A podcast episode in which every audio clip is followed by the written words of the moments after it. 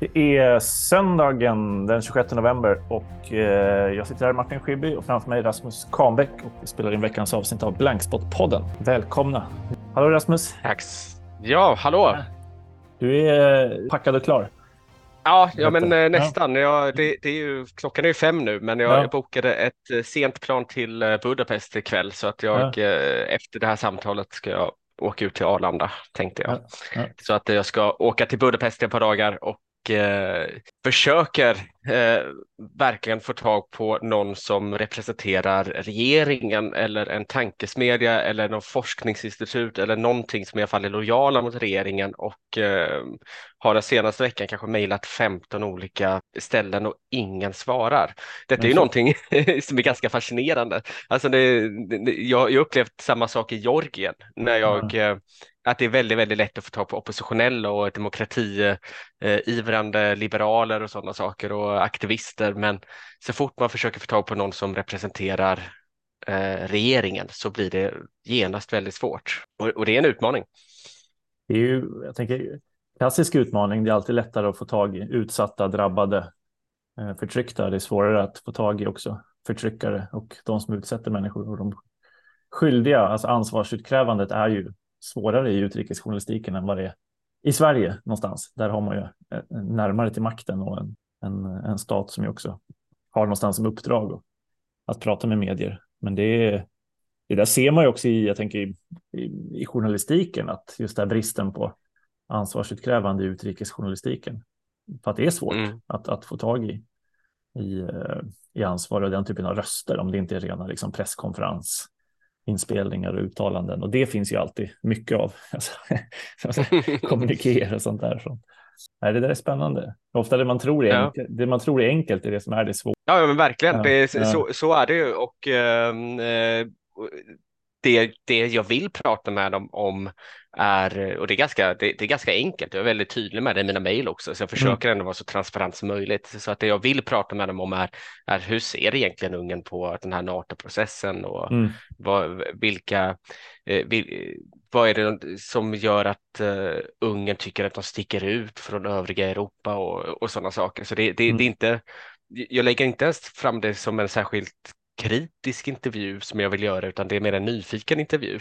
Men ändå så får man inga svar. Eh, men jag ska som sagt i, morgon när jag väl är i Ungern då ska jag byta strategi och eh, gå till dem och knacka på dörren på. så att det ja. så då får vi se ja. vad de säger. Eh, det, det brukar ju lösa sig förr eller senare. Det vet man ju också när man är ute på sådana här reportageresor ja. att bara man är ihärdig så brukar man kunna få tag mm. på någon, någon person som är villig att prata. Apropå eh, lätta saker som blir svåra, eh, länge sedan var i Singapore och skulle göra ett jobb eh, som såg väldigt lätt ut på pappret, så här kul grej. Eh, de hade ett statligt datingprogram för folk i Singapore som var singlar och över 30, eh, tvingades eh, då myndighetsdata. Eh, och man tänkte, ja men kul liten grej, eh, det här måste de ju vilja prata om.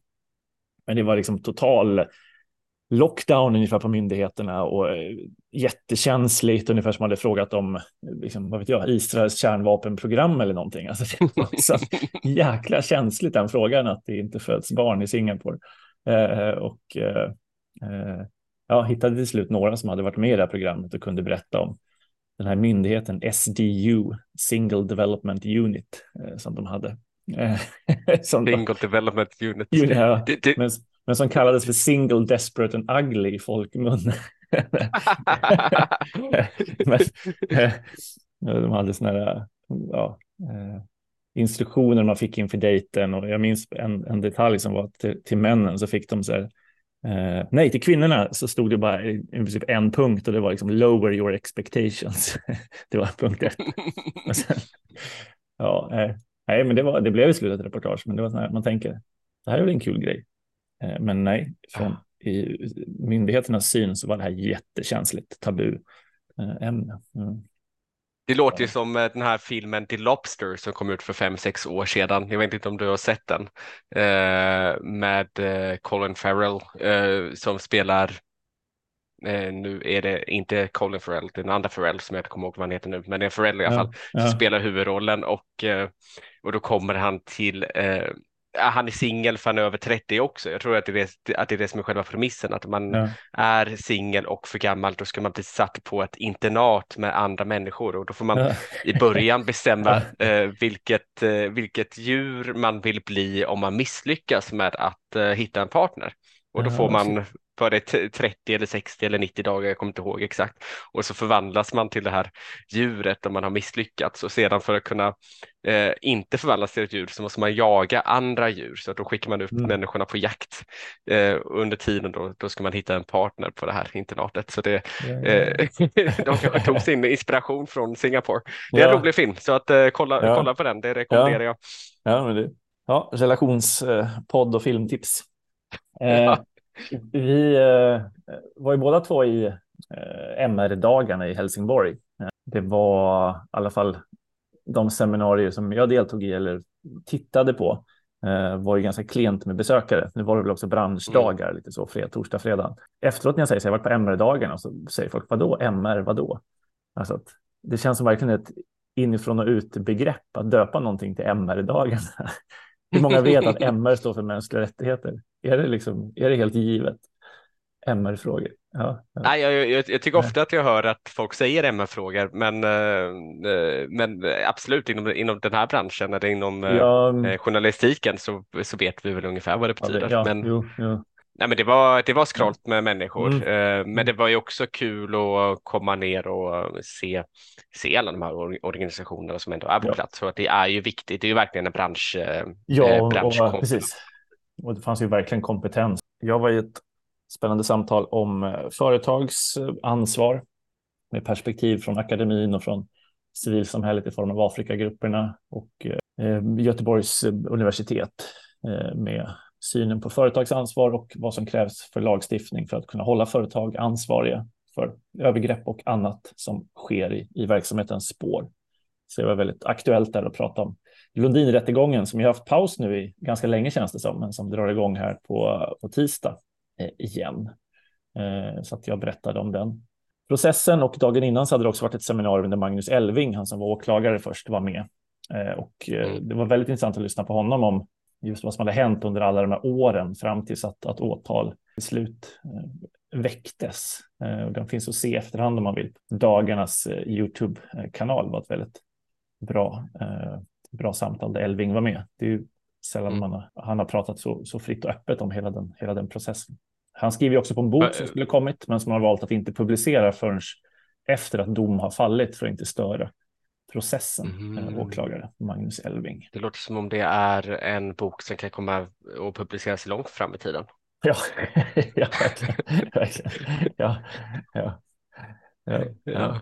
Men, vad, vad berättade han då? Eh, alltså dels är han ju tydlig med vad, vad det här handlar om. Det handlar ju inte om liksom, olja var bra eller dåligt för Sudan eller det handlar egentligen inte om vad som hände i Sudan under de här åren annat som bakgrund, utan just att de här särskilda mötena eller mötena som Lundin hade med Sudan, att man under de mötena begärde att säkerhet ska finnas i områden där regimen inte har kontroll. Och sen att åklagarna påstår att Lundin visste om att regimen inte hade kontroll och visste om på vilket sätt regimen förde sina krig och att det skulle krävas offensiva militära åtgärder för att ta kontroll över de här grupperna eftersom det var rebellområden helt enkelt. Han berättar också lite specifikt om hur åtalet var utformat, att det handlar inte om att bevisa att en specifik soldat gjort något specifikt för en specifik händelse, utan att på generell nivå bevisa att Sudan använder sig av otillåtna stridsmetoder, oproportionerliga mm. anfall i strid mot distinktionsprincipen som man ju hör mycket om nu i Gazakriget, att man måste skilja på civila och stridande. Och sen då vad Lundin visste om de här offensiverna, att man menar då att man visste att brott begicks eh, i de här områdena. Sen pratar han lite om det här som är stort, stort som man säger, men många som följer rättegången pratar mycket om så här, uppsåt, om direkt uppsåt eller likgiltighetsuppsåt. Han menar liksom att det där har inte han drivit i, i förundersökningen på något specifikt sätt, men förutom att säga att man uppsåtligen liksom medverkat till brott. Och han menar att alla tänker sig att en medhjälpsgärning ska vara ganska mycket, alltså det ska till ganska mycket för att så att säga anses som, som göra en medhjälpsgärning. Men han hade ett antal fall från Högsta domstolen där det i princip räckte med att hålla en rock till någon som begick ett brott, alltså en stöld eller mm. ett misshandel eller minns jag inte exemplet. Uh, att det krävs inte mycket för att vara medhjälpare och att man också kan påverka gärningsmannen på olika sätt genom uppmuntran eller ja, och så håller ju åklagaren på en del och menar att här så berömmer Lundin Sudan för krigföringen och så. Att det är liksom en uppmuntran då till de här brotten. Så att, ja, men det ja, väldigt stringent. Eh, jag ska också sammanfatta det kanske i min första rapport från veckan. Vad mm. han sa där. Och också hur informellt det länge var i Sverige med alltså en krigsbrottskommission. Alltså före 2008 fanns det ingen. En liten informell grupp mm. av åklagare som träffades eh, och som såg att inom EU fanns det här, där drev man det, där tog man upp det. Ja, man inte var van vid den här typen av mål i Sverige som man var nere på kontinenten mera eh, efter ja, Jugoslavien. Mm, ja, intressant. Och annat och så. Och så menar han också att det här är inte så stort, eller det har inte tagit så lång tid om man jämför med andra liknande mål. Han jämför det med ta Jugoslavien eller Rwanda eller processer. Alltså det tar, eh, det tar år att, mm. att reda ut. Man blev sugen mm. på rättegången när man hörde honom. ja, och vad är det som händer på tisdag då? Eh, då börjar Ian Lundins. Eh, försvarare att ha Ian Lundins då sakframställan. Så, ja, helt enkelt försvaret. Det kan se målsägande beträdena först någon dag, men, men sen är det försvarets show november, december och långt in på våren.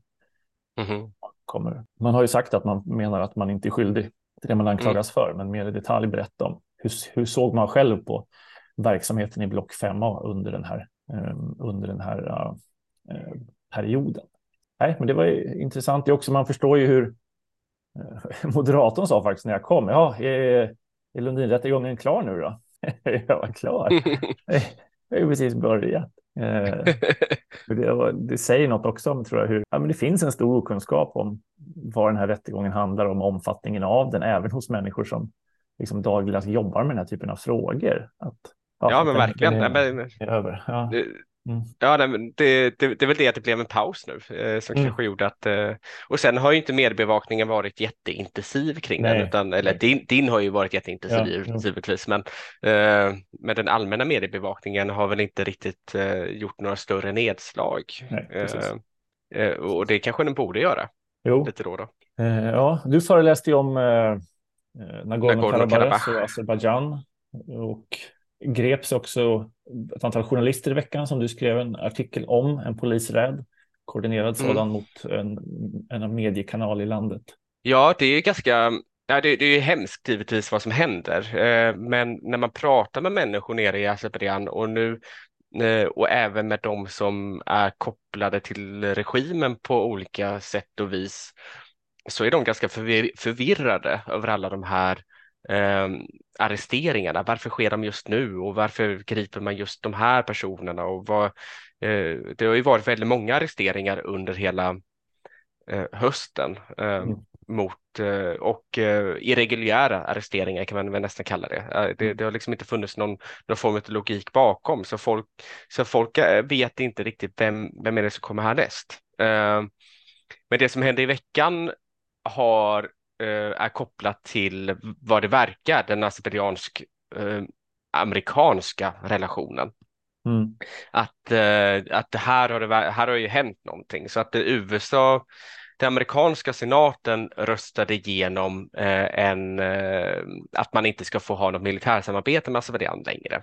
Nu har det inte varit något jättestort militärt samarbete man, man har haft med Azerbajdzjan, men det har varit väldigt, i Kaukasien har det setts som en väldigt kontroversiell fråga som eh, armeniska grupper i Europa och framförallt i USA har eh, arbetat för att eh, det ska upphöra, det här eh, mm. militärsamarbetet. Och, och till slut, efter flera år av lobbande, så beslöt nu amerikanska senaten att nej, men nu ska vi inte ha detta längre. Eh, vilket gör att eh, Azerbajdzjan har reagerat väldigt, väldigt kraftigt. Eh, så att det första man gjorde var att eh, man i måndags arresterade de här eh, chefredaktören för Absas Media, en, en av de få oberoende mediekanalerna. Han är en känd gammal aktivist, den här eh, chefredaktören, och har mm. suttit i fängelse förut i, i Azerbajdzjan. Och, och, han visste ju om detta, så att då hade man förberett liksom en ordning att men då kommer det komma in en ny tillförordnad chefredaktör. Hans assistent eh, Kekalov kommer få hoppa in i hans säte och så vidare. Så, men men detta, detta visste azerbajdzjanska myndigheter om, så de, de arresterade hela ledarskiktet i princip eh, och även människor som inte var i ledar, ledarskiktet, så var väldigt koordinerat. Mm. Men vad man också gjorde, vilket eh, blev eh, en krydda till det hela var att uh, Ilham Aliyevs assistent Hikmat Hajiyev vilket går att jämföra typ med uh, Ulf Kristerssons utrikespolitiska talesperson om han skulle ha en sån, gick ut och uh, skrev ett jättelångt inlägg i sociala medier mot USAID, alltså uh, amerikanska svaret på Sida.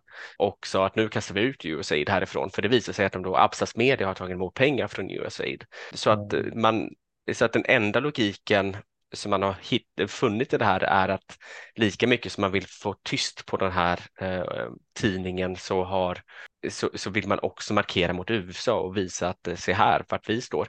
Och det är ganska fascinerande för USA har ju tidigare haft en, en ganska realpolitisk eh, inställning till Azerbajdzjan och helt plötsligt så är eh, framställs USA som största fienden för Azerbajdzjan och mm. Eh, vi såg liknande tendenser mot Frankrike tidigare i år, men, men där var det mest öppen retorik. Det var inte så mycket eh, repressalier och det beror på att Frankrike är en del av EU, eh, EU skulle jag kunna tänka mig. Så att det, det, är verkligen ett skifte för tillfället och detta har jag pratat om nu på veckor och jag skrivit om det, mm. så att, eh, som håller på att ske. Och eh, vi kommer nog få se de närmaste veckorna ännu fler arresteringar. Så att det, det verkar som det har läckt ut en ett meddelande till eller en varning till några människor som är på någon lista över att de ska arresteras. Och Eh, det, det, det riktar sig mot hbtq-samfundet och feministsamfundet. Eh, så att är en, eh, det är många människor som funderar på, ska vi lämna landet nu innan arresteringarna sätter igång eller inte? Så att vi kommer nog få se en, en ordentlig nedbrytning av civilsamhället just med de här två kategorierna de närmaste veckorna. Det funkar också så att Azerbajdzjan har liksom känt sig för lite grann. Kan vi korsa den här röda linjen? Ja, fick det några konsekvenser? Nej, och så tar man liksom nästa steg eller man kanske inte ens ja, det har man gjort hela de tiden. Termerna, liksom. eller det finns ju inget. Alltså, världssamfundet har ju inte alltså, stoppat några som helst liksom, betydande relationer eller avtal eller någonting den, den senaste tiden. Nej, nej och, eh, och så, är, så är det verkligen. Alltså det, mm. den, den fråga som alla ställer sig i Kaukasien är vilka röda linjer finns det mot ja, Azerbajdzjan? Ja, ja. Och, eh, och när man ställer den frågan till EU-kommissionen så får man ju inte svaret på det. Mm.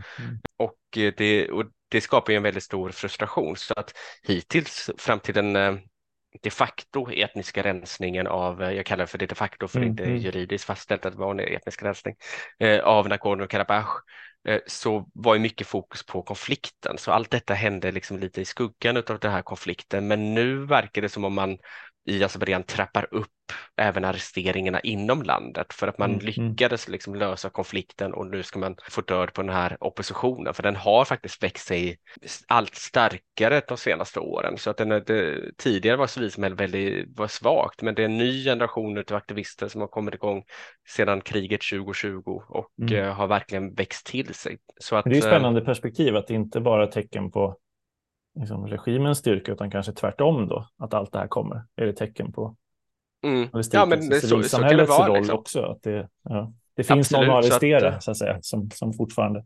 publicerar. Det är ju det är som man, man kan vända på de här Report utan gränser siffror ibland och säga ja men om ingen journalist fängslas och ingen skjuts och ingen grips så ja det kanske inte heller är ett positivt tecken. Det kanske är ett tecken då på att ja, journalister har slutat bevaka frågor mm. eller att liksom stater får, får hålla på o, eh. Liksom, att det, mm. det, ja, det låter ju för sig extremt cyniskt att se det som det. Ja, ja, ja, men, men, men ändå, absolut. Ja, men... Ja. Det är ja, nej, men så att, jag tänker det, eh, alltså civilt snacka om, alltså beyond brave, människorna som, som eh, i, i Azerbajdzjan fortsätter att driva. Ja, nej, men det, det, det är ju verkligen mm. modiga människor mm. och jag, jag, ska faktiskt träffa några, eh, en grupp exil azerbajdzjaner i eh, Budapest också, mm. Mm. Eh, som bor där för att prata om eh, kampen. Ja, den förra eh, specialpodden du gjorde har varit väldigt eh, lyssnad och uppskattad med Svante Lundgren om vad som händer i, i Jerusalem. Mm. Och det är ja, men, någonting vi verkligen får fortsätta med när man intervjuar någon eller någon skriver en text att också passa på att fördjupa i podd, poddformatet. Tror jag väldigt mycket på. I... Ja, det, var, det är en väldigt spännande berättelse och Svante. Lundgren han är ju en jätteduktig berättare så att mm. eh, eh lyssna jättegärna på den. Eh, mm. Och eh, det är verkligen ett sätt att kunna fördjupa, bredda, prata om ämnet lite extra mycket. kan dra också Coop 28 igång, igång i, i Dubai. Eh, så vi kommer ha en del nyheter och rapportering med anledning eh, av det och också en del material från min reportageresa dit i början på, på hösten som som kommer i, i veckan. Och jag har också jag har bett Britt Stakston eh, titta på med sina digitala eh, och demokratiglasögon på den så att säga, debatt eller, eller metadebatt som, som pågår i spåren av eh, kriget i, i Gaza med någonstans vad spelar digitaliseringen för roll och, och vad finns att, att, att, att lära och vad finns det för fällor i, i eh, i det debattklimat som vi har som är mycket utgår ifrån skärmdumpar och olika svenska influencers som, som liksom hamnar i, i centrum för diskussionen och kanske inte det som händer eh, på marken i, i regionen. Eh, så mm. en spännande text från henne i det ämnet att se fram emot också på sajten. Men då ska jag låta dig sticka iväg till flygplatsen så småningom. Är du en sån här ja, som är där ska... tidigt eller? Är du Häng, ja, nej, det, det, det är jag inte. Fem minuter innan, det är inte det. Nej, nej jag, jag, kommer, jag kommer gärna så, så uh, tätt inpå som möjligt, men ja, uh, nu går ja. sista flyg, eh, flygbussen ja. går, så jag måste ändå sitta där någon timme eller två. Ja. Ja, jag är tvärt, hade jag varit du, jag hade varit där redan. Jag hade varit där sedan lunch. Fint. Ja, nej, men vi, vi hörs väl nästa vecka då. Det gör vi. Och då hoppas jag att jag har lite berättelser från Budapest att dela med mig av.